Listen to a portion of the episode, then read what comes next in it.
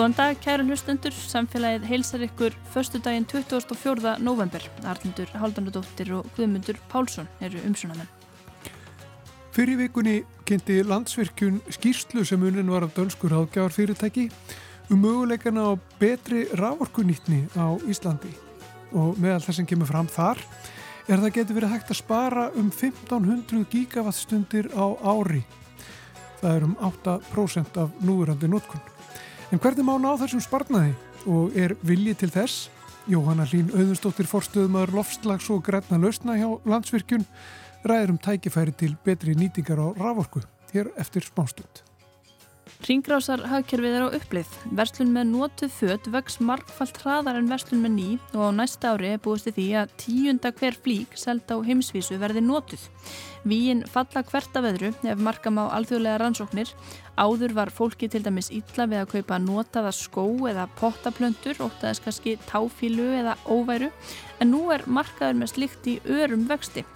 Og nú stendur yfir Evrópsk nýttni vika og af því tilefni brá samfélagi sér í góða hyrðin, rætti þar við Frey Eyjólfsson, verkefnastjóra Ringrásarhagkerfis hjá Sorpu og tók púlsinn á nokkrum viðskiptavinum.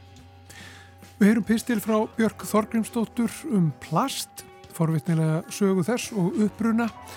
Björg stundar námi hagnýtri menningarmiðlun og er þess að dagana starfsnemi hér á Rás 1. Við heyrum svo eina málfarsmínútu. En við byrjum á bættri orkunýtingu.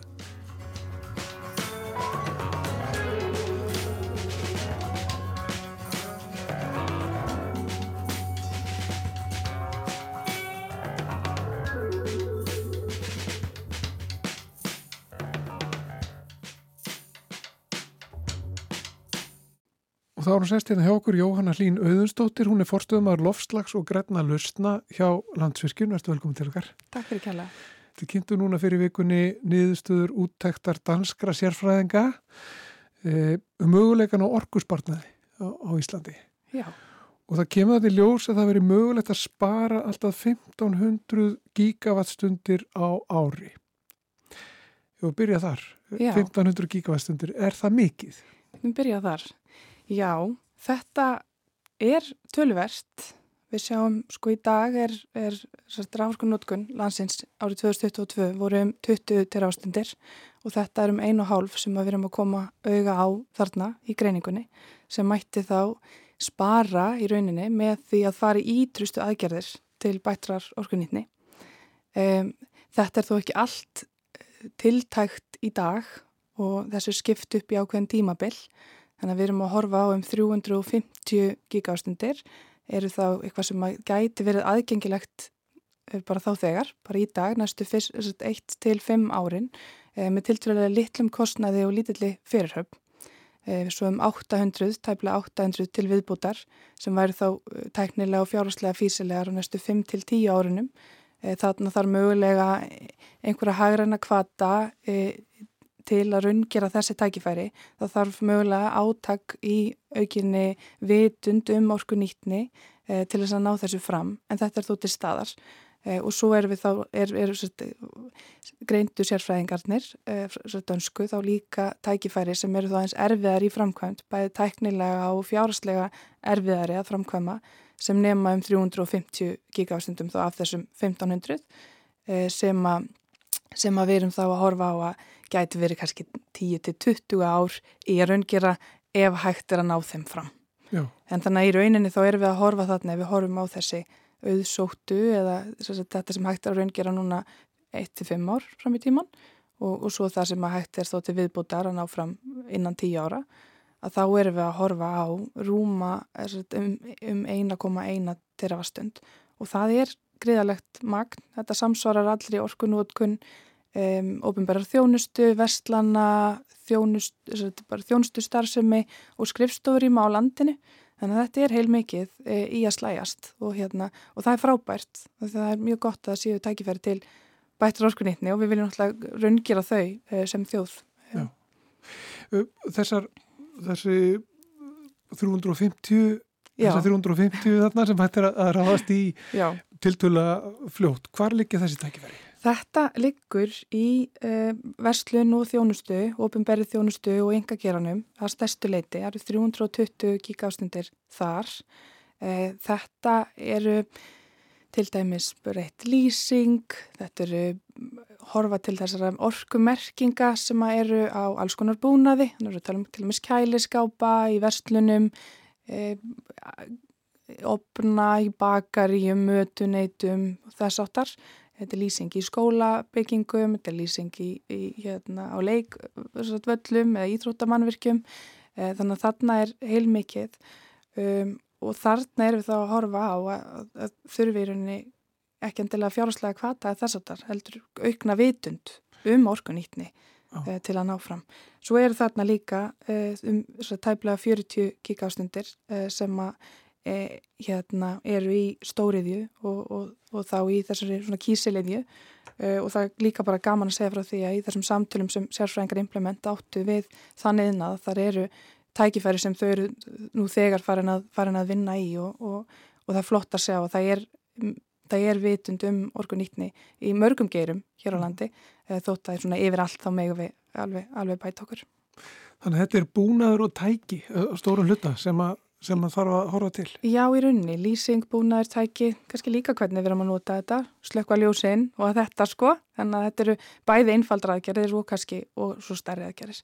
En í til dæmis endur nýjun á tækjabúnaði eins og í fyrirtækjum og þess að það sé verið að horfa til þessara orkumerkinga og margt smátt gerir eitt stórt þannig að það, þegar kemur saman þá hérna, skiptir þetta máli og, og er þetta þá er þetta liggja þessi tækifæri þá hjá almenningi í rauninni, almenningi fyrirtækjum og stofnunum í, í landinu? Þau liggja í rauninni bara hjá öllum notendum rafsku, hvers svo sem smáir eða stórir e, þau eru. Og hérna e, og við svona við horfum heilt yfir þá tóku við þess að þá voru bara að skoða þeir allir notendur rásku á, á Íslandi.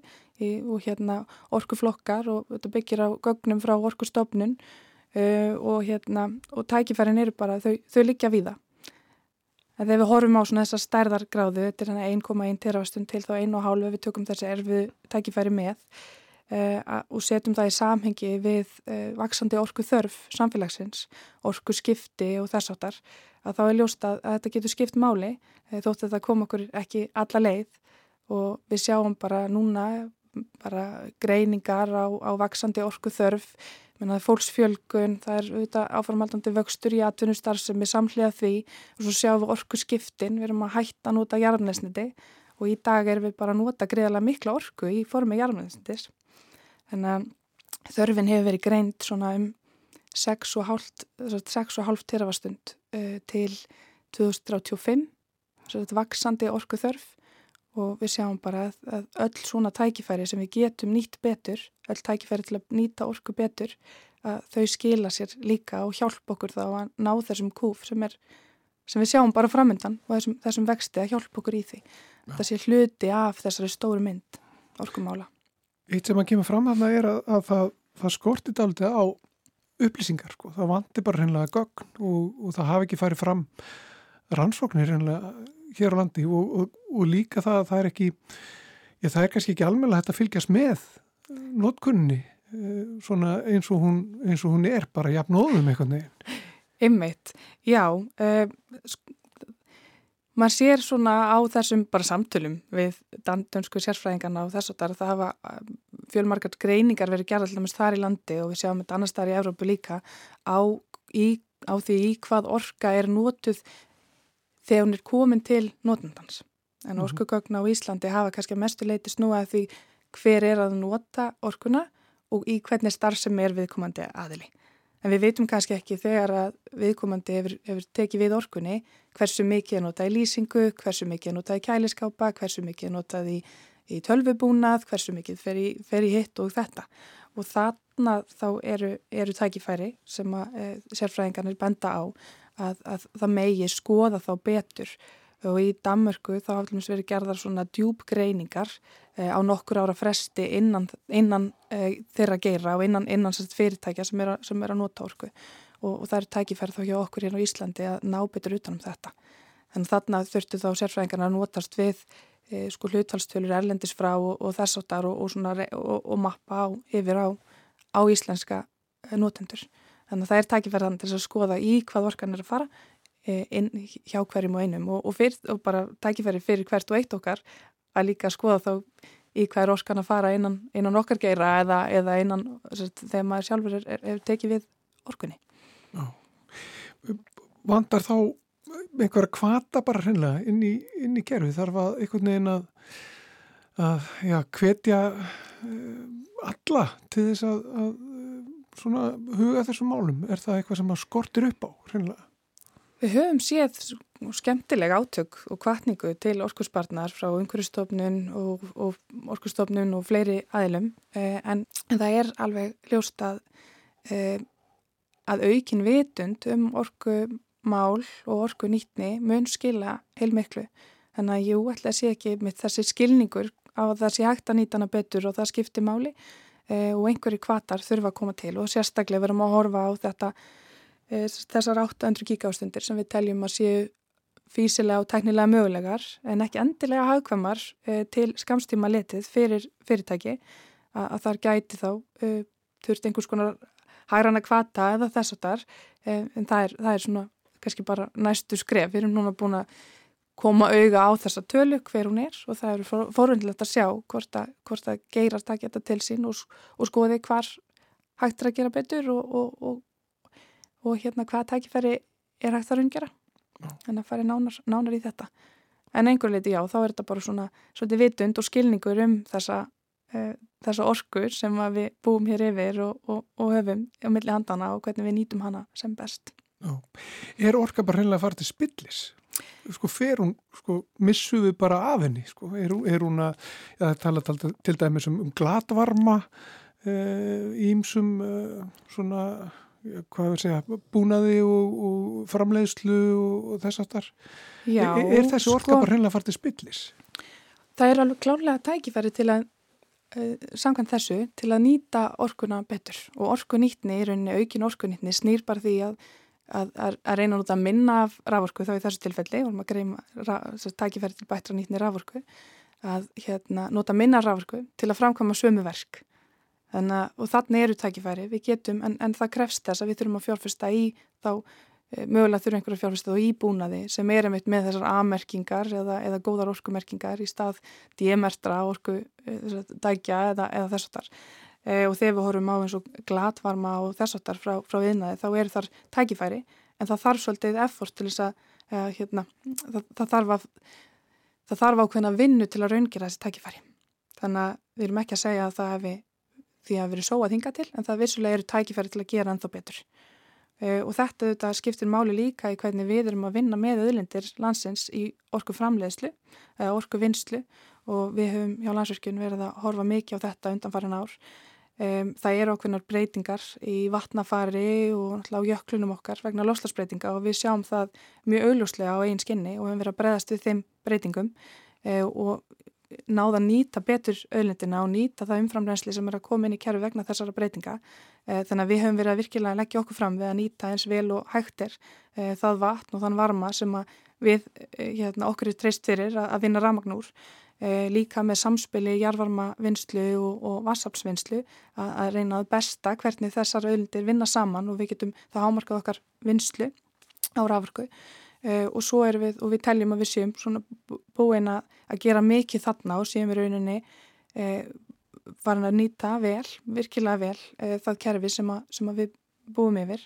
Og erum þá núna að horfa til svona stækkana á aflökningarverkefna þar sem við erum að stækka okkar núverandi innviði, auka aflgetu núverandi mannverkja Þannig að þarna þetta skiptir líka máli að við séum að, við séum að horfa það hvernig við getum nýtt sem best þessar öldir sem okkur er treyst fyrir til að vinna sem þá mest ramagn fyrir uh, með þeim en, en svo líka þá erum við núna að horfa það á heinarliðina sem er líka á nótkunnin á, á rávorkunni og hvernig getum við hjálpað til eða stöðlað bætri ósku nýttni þegar rávorkunni er komin til uh, nótundans.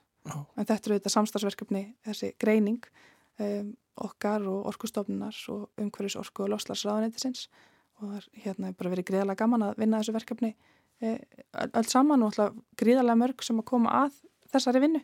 Það eru margir notendur ráðsku á landinu og hérna, það, og, hérna og við öll notum vorku þannig að það verið gaman líka í vinnunni að, að ná svolítið þessu svona saman og við vonumst til þess að þessi greining og þessi umfjöllin sem að greiningin er að hafa muni líka skila sér í þessu sko e, aukinni vitund um orku nýttni og, og bara það gæti alveg, alveg skilað e, einhverju líka.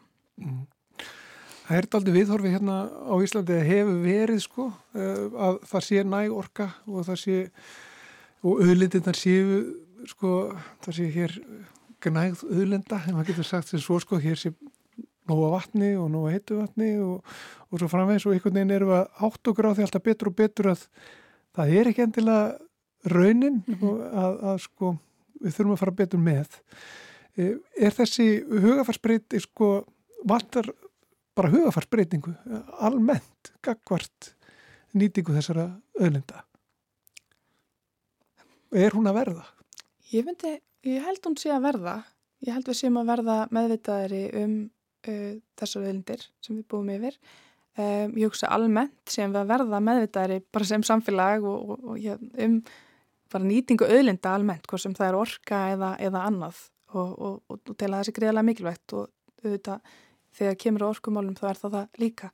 Uh, við sjáum þessar spár uh, landsnett, orkusspár landsnett sem að það eru auknar líkur á að að ráðsku öryggi verði ógnað á næstu árum vegna þess að, að þörf eftir orku er, er, er mikil, eftirspurnin er mikil eh, og frambúð þarf að aukast samlega því. Eh, við sjáum að það eru orku skiptin eins og við nefndum áðan eh, sem að munu krefjast orku og, hérna, það að hætta nota jarfnælsniti, það, það krefst þess að við tökum orku annar staðar þá og, og vinnum orku með öðrum hætti til þess að koma í staðin eh, og allt þetta, það setur okkur bara au, aukinn þrýsting á okkur að, að horfa þá vel á þá orku sem við erum að nota í dag og að nýta hana sem best. En líka þá til að maksa að, að, hérna, þegar við horfum fram á veginn að, að líka stuðla því að við séum að reyna að nýta þá orku sem bætist við sem best líka og það er, það er líka mikilvægt. Og hérna, já. En núna líka þetta fyrir, þessi, þessi úttekt og búið að kortleggja þetta. Um, og þarna eru þessar 1500 gigavastundur á ári mögulega. Um, og innan, já svona, innan seilingar er, er stór hluti af, af því. Hvar, um, hvar liggur þetta á, á hvers borði er það einhvern veginn að, að sækja uh, þessar uh, terastundir allar? Hvar þarf að byrja sko? Er þetta þarf að breyta lögum, þarf að setja eitthvað að skýra stefnu, eru það gögnin sem þarf að sækja, hvar á að byrja og hver byrjar? Þetta er góð spurning. Í skýrslunni er farið neyri þess að geira orku notenda uh, og það er svolítið ólíkt á milli geira hverjar helstu svona áskoranunar eru, uh, hvers eðlist þær eru. Um, en uh, þetta eins og sagði er samstagsverkefni okkar og orkustofnunar og umhverjus orku og lofslagsraðanendisins og, og, og ljósta að, að þessi, þessi gögn og þessar tölur eru, muni nýtast þeim í áframhaldandi vinnu um orkumál, orkuþörf og, og já, og bara og þessi, þessi mál. Og hérna en allir við þurfum ekki, það eru margi boltar og þeir eru víða. Og hvert og eitt okkar líka getur skoð hvaða möguleikar eru til staðars e, þarna mögulega vonandi er að, að að sagt, vonandi er hægt að horfa á þessar tölur og, og þessar greiningar og fara í þessa, þessa, þessa svona, í þessa kabla fyrir hvert geira og, og vonandi vekur það einhverju spurningar og mögulega hugsanir um að þetta getur verið mögulega hægt að nýta ennþá betur, kannski ekki þetta og, og þess það er að koma umræðin á stað og þessum þangagangi eh, er svona það sem við vildum ná fram eh, með þessu meðal annars en, en já, þessi ekki margir boltar á, á mörgum, mörgum stöðum Já, enda, enda notum við öll orku og orka er, er einhvern veginn út um allt þannig að við þurfum að já. Já. En hjá eins og landsvirkjum sem er náttúrulega rísa stór framlegandi eh, rávorku á, á Íslandi hver ábyrðir landsvirkjunar þarna? Getur þú lagt mat á það? Hvort að ég sé rétti alveg til að taka, leggja mat á það stór, stór spurning en við teljum uh, það vera uh, sagt, uh, á okkur að sína ábyrð þegar kemur að nýtingu þeirra auðlinda sem okkur er treyst fyrir.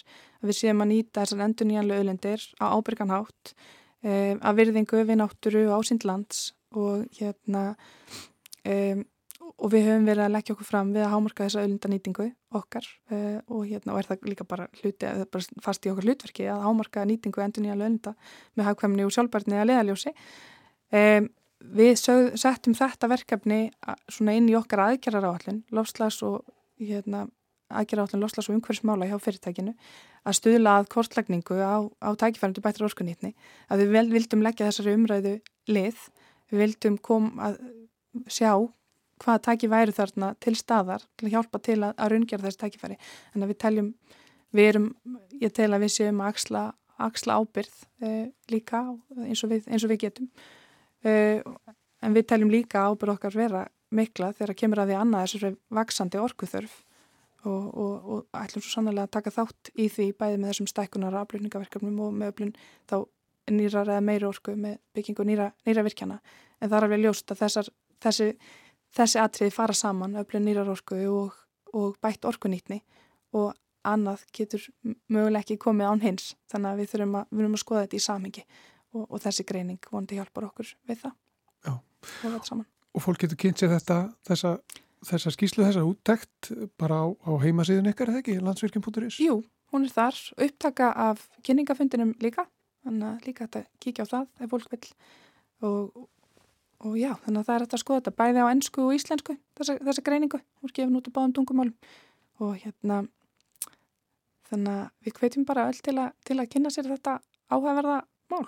Einmitt. Sko lúka þessu svona Jóhanna Lín Auðunstóttir, fórstuðumar Lofslags og Græna Lausna hjá Landsvirkjum. Takk fyrir kominu samfélagið. Takk hjá það fyrir.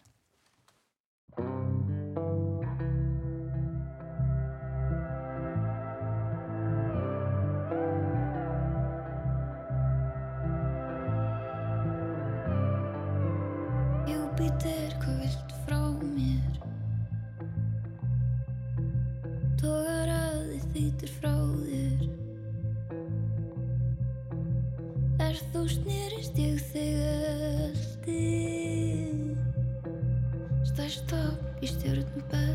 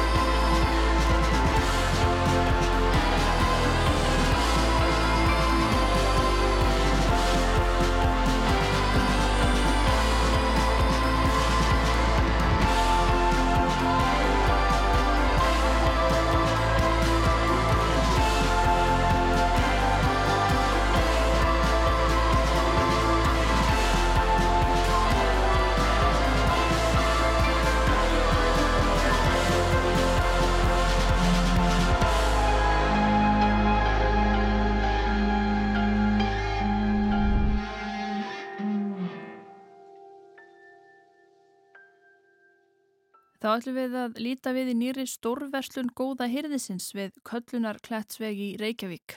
Ég tók leigubilðangað og svolítið skemmtileg tilvíðin að bílstjórin reyndist einmitt fastagestur og láð því beinast við að byrja á að ræða við hann. Er það ákveður bílinn? Já, Þetta er svo hvort. það er svona. Svona. Þetta er mitt. Já.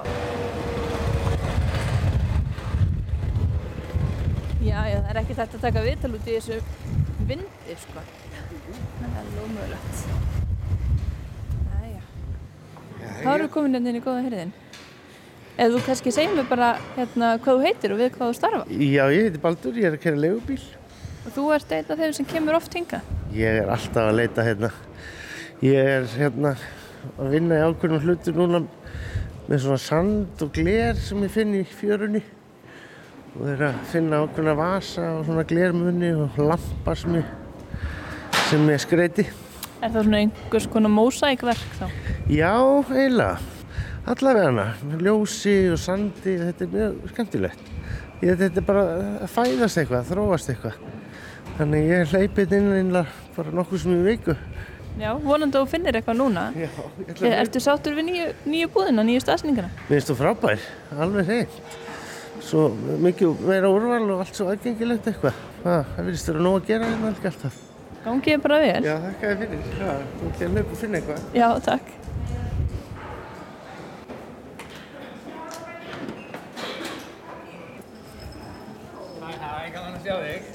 Hér er uh, Freyr Eyjólfsson. Þú ert allt í öllu hér eða hvað? Nei, ég er bara mjög lítið í mörgu kannski en ég titlaður verkefnastjóri hringalsahagkerfis og, og hérna vinn hjá Sorpu og skrifstofunar okkar eru hérna fyrir ofan bara hér á 50 hæð í þessu húsnæði uh, gamla kassagerðin og þetta hús er kannski svona verðmætasti hluturinn í búðinu. Við komum hinga fyrst fyrir tæpum tveimur árum og þá var þetta hús eiginlega niðurlöðum komið. Þá átti að rífa þetta hús. Þið björguðu því eins og svo mörgum munum hér inni. Já, við viljum pínulítið montakara því við báðum um að fá að koma hingað inn og húsegundur uh, voru bara til í tutskið að taka húsið í gegn og bjarga því. Þannig að við erum bara mjög stolt af þessu samstarfi og hafa bjargað þessu húsu. Hérna líkum mjög vel og eftir að við opniðum góða hyrðin í þessu nýja húsnæði 1. april á þessu ári þá bara opniðist flóðgáttir og, og nýr veruleiki blasti við og nýtt Hvernig þá? Ný, nýjir kunnar, meiri verslun eða... bara allt aðrar og betri aðstæður, stærri lager þannig að það, við gáttum farið að flokka betur og, og, og, og vandað okkur meira. Það er meira rými, fólk svona finnur sér betur hérna og við erum búin að hefja samstarf við listaháskólan, tækniskólan og, og fleiri aðlega þannig að bara endur nótkun hefur aukist næstu um helming við að flytja enga Hugmyndin með þessu, þetta er að skapa tekjur, nýta verðmæti, ekki bara henda og, og urða, umhverfisvænt, væntalega. Já, Sorpa er náttúrulega svona byggðarsamlag sem er rekið án hagnaðasjóna með það eini tilgangur okkar er rauninni að taka við úrgangi þessara sveitafélaga sem að á okkur og búa til eitthvað vermaðurði. Þannig að kjarnin í öllu hér er ringrása hagkerfi. Og í þessum úrgangspyramida þá gildir náttúrulega fyrst og fremst að reyna að draga úr úrgangi, nota betur það sem við eigum og eiga hlutina lengur. En síðan ef við erum hægt að nota hlutina að, að reyna með ykkur móti að endur nota, endur nýta þá. Endur vinslan sjálfur er bara mjög neðalega í þessum píramæta þannig að þessi þáttur hér við erum alveg stolt af þessari verslun og, og þessum þætti starfseminar, við erum með sex endurvuslu stöðar á höfuborgarsvæðinu og þar eru gámar góð, góða hýrðisins og þeir eru að verða vinsall og vinsalli fólk vil gefa góðum hlutum framhaldslíf. Og við komum með þessar hluti hingað og hingað bera svona 7-10 tonn á dag. Það fyrir mikið í búðina af því.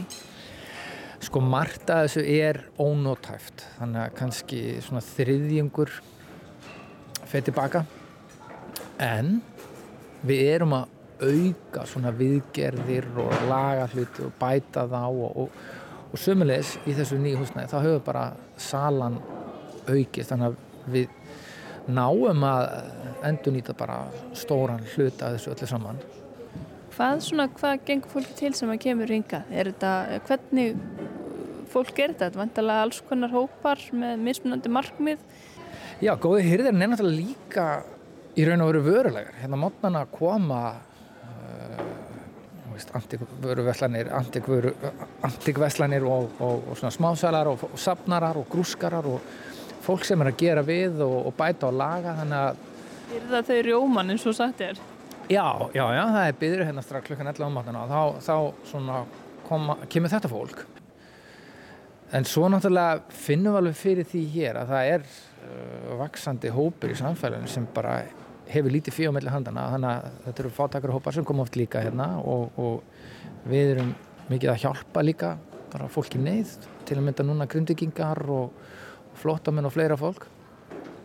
Og við erum mjög ána með það og stolt af því. En, en, en svo náttúrulega allur hagnaður hér rennur til, til líknamála og góðgerafélag en veist það sem er rosalega gaman auðvitað er þetta ringras og hagkerfið í nótskut það er rosalegt bara loftlagsmál að bjarga þottavel sem er í lægi bara hinga kemur þottavel, hún er í fullkomni lægi staðan fyrir að, að milja hana nýður og urða eitthvað staðar og framlega nýja þvóttavel eitthvað stær í Kína og sigla með hana yfir heimsöfin að bara nota hana lengur og, og finna nýjan eiganda. Þetta er rosalegt loftlagsmál að, að leysa svona mörg lítil verkefni og svo náttúrulega leka bara peningar út á hagkerfinu ef við bara hendum öllu þannig að við erum að bjarga miklum verðmætum og, og, og þannig að þetta er, veist, bæði mikið svona hagkvæmnismál fyrir þjóðfélagið og bara mikil hjálp fyrir fólk sem kannski hefur ekki mikið fjöðamelli hendina en svo finnst mér eitt þáttu mjög skemmtilegur og þá sjáum við svona hópa eins og ungt fólk fólk í listaháskólanum og, og svona hönniði og, og listamenn að þessi skapandi kreatífi þáttur í hringráðsahækjuna að hinga ekki með fólk sem að horfir á borð og sé bara eitthvað allt annað breytið í, í, í hérna stól eða eitthvað eða eitthvað enn framúrstöðum og sko listaháskólan hefur stundu verið með hérna vinnustofur hérna og síningar og það er ótrúlegt að fylgjast með fólki sem að býr til eitthvað nýtt og gömlu. Og það er ótrúlega gama til dæmis að sjá þetta unga fólk sem er opaslega hugmyndaríkt og vill ekki kaupa eitthvað gamalt, vill bara kaupa notu föt, notu húsbúkn og smíða eitthvað úr því og og svona finna sitt eigi borð og laga það og púsa það og mála það og setja svolítið svona sál sína í það.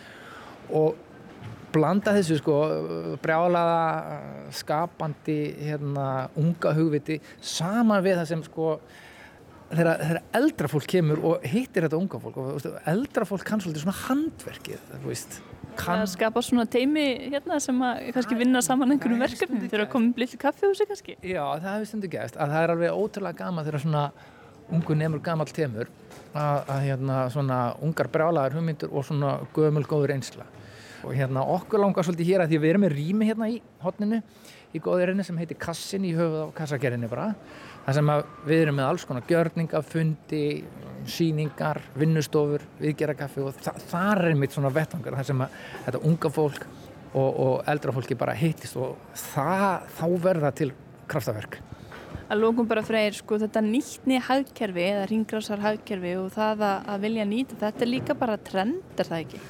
Þetta er alltaf að aukast. Jú, við sjáum það bara núna mjög skýrt, til dæmis bara í listaháskólanum og tekniskólanum, þar sem að þetta er orðin mjög ríku þáttur í, í arkitektanáminu að reyna að búa til eitthvað úr því sem við höfum þá þegar í öllu hönnunanámi, listnámi að búa til uh, hús hluti, listaverk úr, úr, úr þessum sem við kalla rusli.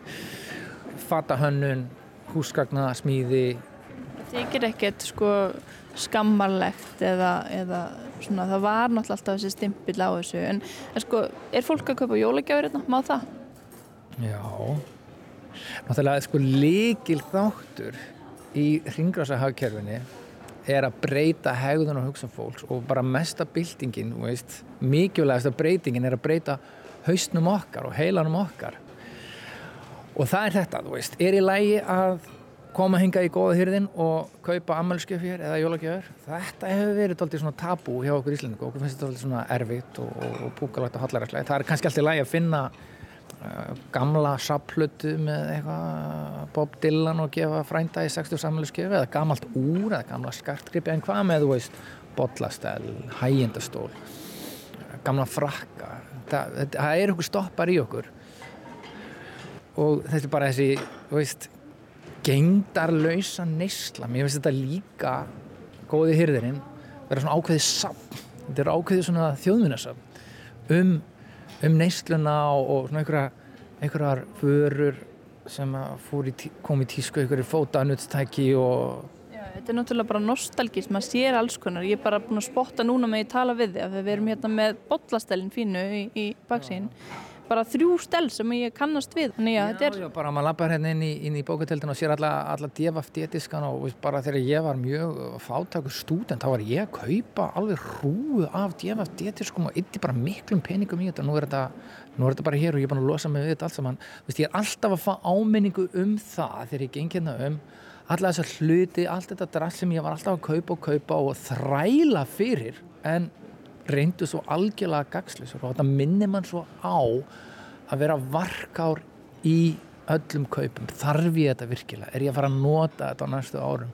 Og maður fær bara stöðar áminningar hérna í búðinu bara, að ég maður ég kefti þetta og losaði með þetta veist, fyrir, þetta efnislega það kannski skiptir ekki öllu máli í líf Nei, það er nú, þú veist því ég lærði nú mannfræð á sínu tíma það er eitthvað kannski sem er svona algjörlega sammannlegt allstar og alltaf er það að við erum að reyna hámarka haminguna og lámarka þjáninguna. Og hamingjan er alltaf flókið fyrir bara það er mjög, mjög erfitt að rannsakana og mælana og allt það en, en hún hefur samt verið mikið rannsökuð og það er ímislega sem veitir okkur hamingju en það eru ekki enga rannsóknir hafa sínt fram að að, að kaupa sér eitthvað og eignast eitthvað og hlutir og dót. Þetta veitur okkur ekki hamingju. Þannig að djafafdíadiskarnir sem þú áttir hérna, marga hillumötra kannski þeim veittu þér ekki hamingu allavega þeir voru óþarfir svona sem langtíma eign einhverja tímabundna ánægju vissulega. En, en svona alvöru hamingju nei.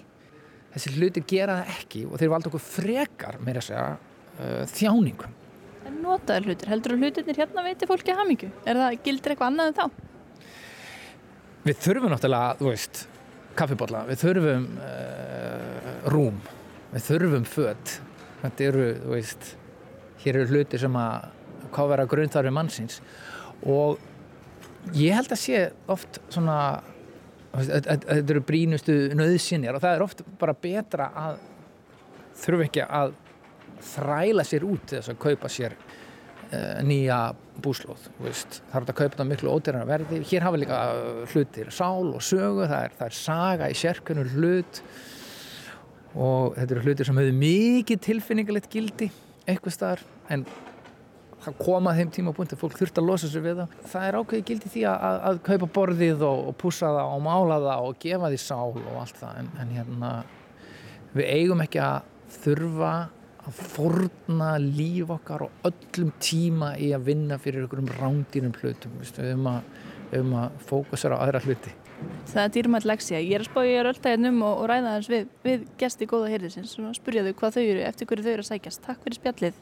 Freyri Jálsson. Takk fyrir sömulegis. Má ég trubla þig aðeins? Góðan daginn.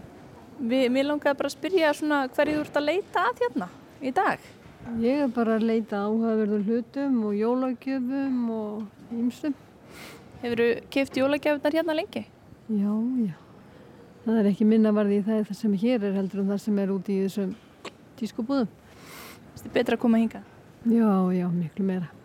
Meira og val og eitthvað fyrir alla, öruglega, börnin og hullarna. Og ég ætla nú ekki að spyrja þig hvað þú ert með hérna í körfunni ef, ef þetta skildi rata í, í pakka til einhvers. Já, já, mikið af þessu fyrir í pakka. Þetta er alltaf fallegi lutir og fjölbreyttir. Og má ég fá nafnið þitt? Ég heiti Björg Sigurdar. Já, takk fyrir gangiðið vel. Hér ylur vindurinn. Góðan daginn. Má ég tröfla þig aðeins? Já, hendilega. Ég er frá Rás 1 og er að velta fyrir mig bara hvað fólk er að spá sem kemur hingað og eftir hverju það er að leita á svona í dag. Já. Hvað heitið þú? Uh, ég heiti Ottur Örn Ólafsson. Ertu til í að deila með mér? Endilega, ég er aðna, ég er sem sagt að leita hlutum fyrir leikmynd, uh, ég er sem sagt að gera myndband og við erum að smíða okkar eigin leikmynd og þá er það gott að koma hingað og leita að dóti, bara hvað sem það er. Núna eru við til dæmis að leita að eitthvað svona retro feeling og erum að reyna að búa til svona andrunsloft eins og, sé á, eins og við séum á 8. áratögnum eða eitthvað svo leiðis og svona alveg upp í nýjunda þannig að þetta er svona frá svona brúnum kannski túbusjónvarpum upp í skemmtilegar Vaffa S-bólur og eitthvað svo leiðis og emitt þá er bara frábært að geta komið hingað og bara fundið í rauninni allt það sem hugurinn gyrnist sko. Hefur þú augast að á einhverju sérstöku svona? Svo, ég er að leita flottu svona stofuborði, svona lágu setustofuborði og svo bara Vaffa S-bólum sem eru reyndar engar í dag. Nú er góði hérinn kannski hættur með Vaffa S-bólunar. Jú, það getur vel verið, en ég er, þarna, ég er svo sem ekki sérfræðingur í þeim málum, en þá getur maður kíkt eitthvað annað líka, en það eru náttúrulega netjamarkaðir allstaðar á höfuborgarsveðinu og um, já, þá bara fer maður á næsta netjamarkað, en þetta er hægt að fara um viðan völl, sko. Emmitt. Gangið bara vel að finna eitthvað, 80's. Takk fyrir það.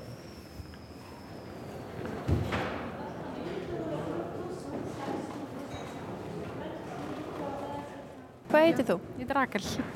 Ég myndi klála að segja ekki leita neinu sérstöku, þetta er bara svona að kíkja hvað er til, eða þú veist, ef mann sér eitthvað stíðugt. Ertu með þessa jólasokka hérna? Já, ég var að pælja að gefa litli frænsinskinnum mínum hérna þessa sokka, kannski svo getur fengið í skóin svona almennilega svona jólastemmingu, myndi ég segja. Þeir eru í toppstandi. Þeir virka nú bara nýjir. sko. En ég ætlaði bara svona að tekka hvort ég ætti eitthvað svona, þannig að þetta er bara svona, já. meira en það, sko. Kemur oft hingað?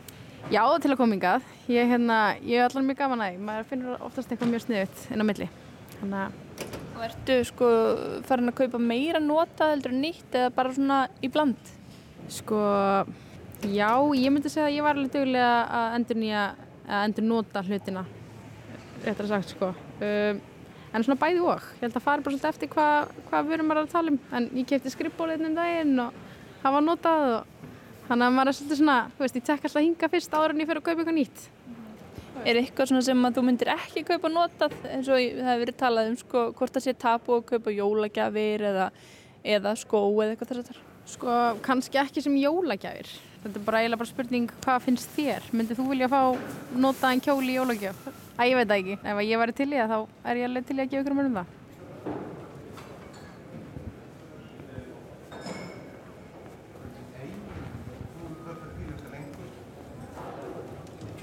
Má ég tröfla ykkur aðeins? Okkur? Já. Þetta er þetta í útvarpi eða Þetta koma er, mynd? þetta er útvarp, engin mynd. Ég sé bara að þeir eru í hróka samræðum hérna og eru báðir með kerrur þannig að þið ætlið ykkur kannski í alvöru umkaup. Það er betra að styðja sig við svona kerru þegar maður er að skoða í góða hýrðinum því að annars getur maður ekki skoða hérna hillurnar undir þessum eigum. Já, ok. Þetta er ekki á mynd. Nei, þannig að það er, það er bara þægindin. Hversu óþægilegt það er að hérna reyna að skoða það undir. En Þú ert hérna komið með einn keramikengil og einn lítinn vasa Þetta er eftir hann Artfríði Láru. Ég, þessu sapna ég. með bjöllu. Já, já. Þetta er líka íslenskur vasi hérna. Hún heitir Dagný sem gerir þennan. Nú, það fallur. Hann er bara snotur. Og ert þú með einhver svona, ert þú að skoða keramiki líka? Já, ég, ég er alltaf sérstaklega að skoða kaffekonur og eitthvað svoleiðis og orðið dágott safna þessu. Ert að sapna þeim? Já, já, já, alveg, alveg safn sem spannar uh, heila y- yfir öll, sko. Öld af kaffikunnum? Já, já, já, já. Allt Hér ertu meira að segja, sko- 1910 til dagsins í dag. Þessi er rosa kunnulega því að þessi var til bara heima hjá mér. Þetta meina þessi? Þessi, já, Já, ég veit þetta- svo sem ekki þetta er- deila á þessu, þessu hérna stelli. Þetta er en- Barton frá hérna, Habitat. Já, þetta sé 80s frekar en, en frekar en 90-92. Já, 80s, 90s, einmitt. Stefán er nefnilega sérfræðingur í postulinni hérna. Og ég veit svolítið um íslenska leirin. Þannig að hérna, Saminni þá kraft ykkar, getið þið gert það? þetta, Kynntust þið kannski hér? já, byggilega. Hvað komið þið hérna cirka oft í viku? Ykkur, já, fjó, Eða mánuði? fjórum, fjórum, fimm sinnum allavega. Og alltaf eitthvað hér að hafa? Nei, alls ekki. En stundum. Stundum er maður alveg svaðalega heppinn og finnur dýrgripi. Og Og sumarferðir eru fíluferðir? Já, já, já, ég menna, buttan þakka manni stundu fyrir að sé ekkert að hafa. Já, þú sæði nú margar flottar könnur uh, samdægust þá væri það erfitt kannski. En er, hvernig er verðlagningin, eru þið sáttir við hana? Viss. Hún er mjög tilvílina kent. E, ég hef oft bóðið fram aðstofinni að verðleggja og, og nefna hluti en hérna það er ekki þegið. Stundum finnum maður eitthvað alveg bara hræ og dýrt en oft gengum maður fram hjá hlutum af því að þeir eru bara fáránlega verðlaðir og það er einhver tilviljun, það er einhver sem veit ekki neitt, skellir miða á og setur þetta fram. Ertu sammálað því? Já, ég, samt er ég, svona svolítið sko verðið er ekki alltaf að fylgir ekki alltaf ástand vörnur með ég nú að segja. Uh, Stefán? Ég heiti Magnús Þorgrímsson. Takk fyrir spjallið, gangi ykkur vel. Já, ég, ég veit ekki, ég hef takmarkaðan tíma sko en þið hefur greinlega frá mörg að segja. Okay.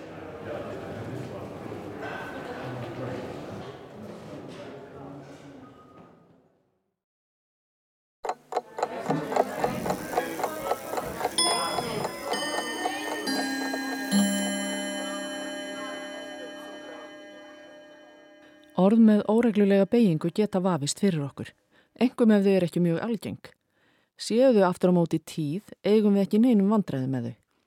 Við höfum þó ríka tilneingu til að krefjast regluleika í málinu og því breytist óregluleg beiging stundum með tímanum í reglulega, engum á sjálfgjafum orðum. Börn á máltöku skeiði búa sér oft til regluleika í málinu. Þau geta auðveldlega myndað fleirtöluna maðar af orðinu maður af því að það er rökriðt fleirtölumynd miða við beigingu Karlkins nafnorða með reglulega beigingu. Setna meir átta börnin sér svo á því að orðið maður er ekki eitt af orðunum sem hafa reglulega beigingu og nátökunum á óregluleikanum. Þökk sé tíðni orðsins sem er eitt af þeim allra algengustu í málinu.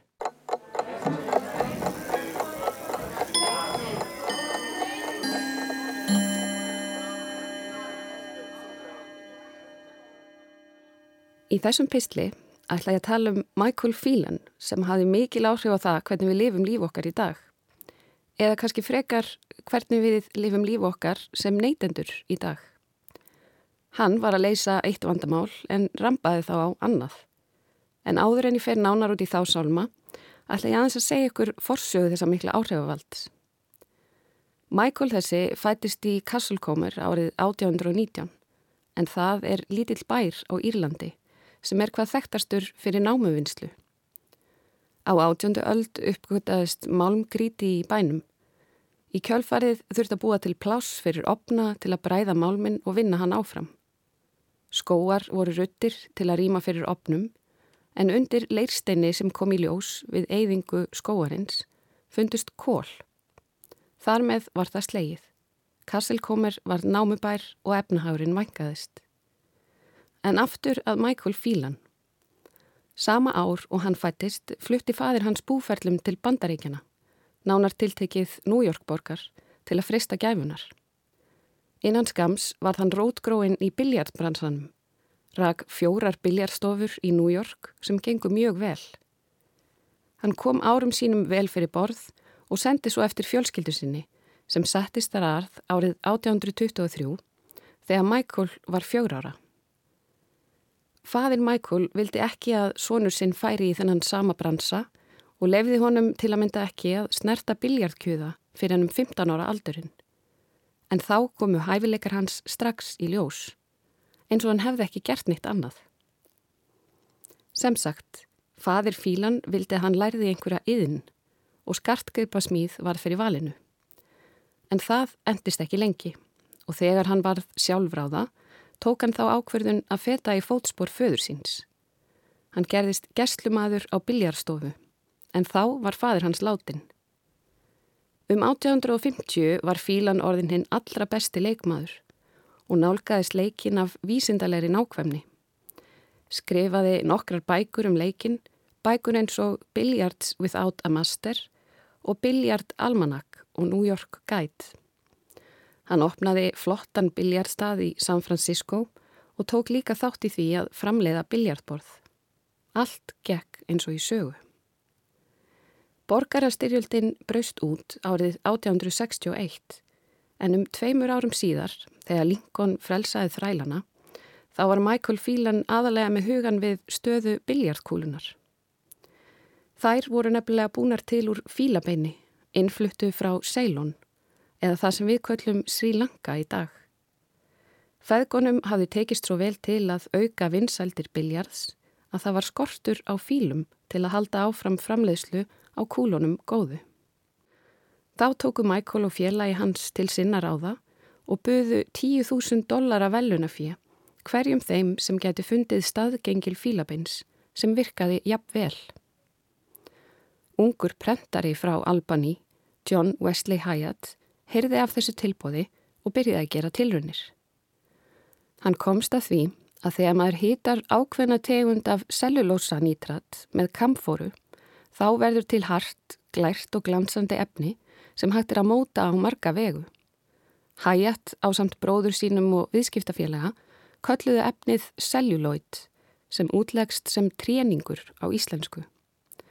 En það var smá galli á gjöfnjarðar því cellulósanítrat, öðru nafni skotbaðmull, er mjög eldfimt efni eins og nafnið kannski gefur til kynna. Og þegar tvær kúlur skullu saman af krafti framkallaði það litla sprengingu. Kráareigandi í Colorado lísti þessu sem svo að þegar þetta gerðist tóku allir menn í bissuskeftin sín tilbúinir að hleypa af. Sem sagt, ekki hægt að tryggja öryggi kráargesta með góðu móti. Samt sem áður voru þessar kúlur notaðar lengi vel en það ódýrar í framleyslu þrátt fyrir ímsa vannkanta. Þetta var plastið. Ekki fylgir með hvort Hyatt bræður hafi fengið velunafjöð en í staðin fengu þeir í hendurnar nýtt meðfærilegt og stert efni sem gæt verið góður staðgengil fyrir markvíslega hluti. Fyrst voru það biljarkúlurnar og svo í framhaldinu komu gerfitennur, greiður, píjanonótur, ermannappar, glerugna umgerðir og annars konar glingur til sögunar. Tréningur var svo setna meir upp í staðan í ljósmyndafilmum Bræðurnir gafu út auglýsingabækling með þeim loforðum að nú getu fýtlinn, skjaldbakan og kóraldýrin fengið langþráða kvíld í sínu náttúrulega umhverfi. Og þannig upphóst öld plastsins. Þeir bræður voru sem sagt þeir fyrstu til að framlega plast til sölu. Nú hafa ótal plasttegandir bæst við og það er ekki þarfóta fyrir því, hvorki inn í okkur, nýja í kringum okkur. Plastið sem átti að venda kóralrifin og dýrin er það sama og drefur þau í dag. Dæmi um þetta eru til dæmis fílar í Sri Lanka sem dóu eftir að hafa borðað plast úr landfyllingu. Já, mögulegir afkomendur fílana sem mistu skögultennur sínar í hendur manna sem þurfti að spila biljarð, greiða sér og svo framhegis, voru núna að innbyrða plastið. Það sem átt að bjarga þeim, gefa þeim langþráða kvild í sínu náttúrulega umhverfi eins og sagði í auglýsingabækling bræðrana, snýrist svo upp í andkverju sína. Það er ekki auðvelt að leysa vandamál plastsins. Við sem neytendur getum verið meðvitið um að kaupa minna af plasti, en málið er ekki svo einfalt. Þetta snýst líka um geimsluþól matveru, tækja búnaði heilbreyðisgeranum, síman okkar. Þetta snýst um svo miklu, miklu meira. Ég ætlaði að kaupa mér pils sem var ekki gert úr einni einustu plastörðu og það var hægara sagt en gert. Það sem ég fann var dýrara en ég treysti mér til að kaupa á þeim tímapunkti. Plastpils á 10.000 krónur hljómar físilegt, en hvað gerist þegar ég þvæða? Hvar endar það svo þegar ég hef þvegið það 750 sinum? Ég fann ekki pilsið en sendi nokkrum vinum og vandamönnum post um að vara sig á plastfötum. Þá leið mér aðeins betur. Honu Michael Phelan tókst ætlunaverk sitt að finna annað efni en fílabein til að framleiða biljartkúlur. Hann var áhrifavaldur, já, slísaðist eiginlega til þess vegna ástríðu sinnar og mun meiri áhrifavaldur en allir áhrifavaldar dagsins í dag samanlagt. Sjálfur dó hann 7. oktober árið 1871 en plastið heldur ennþá áfram að flæða yfir lönd og höf.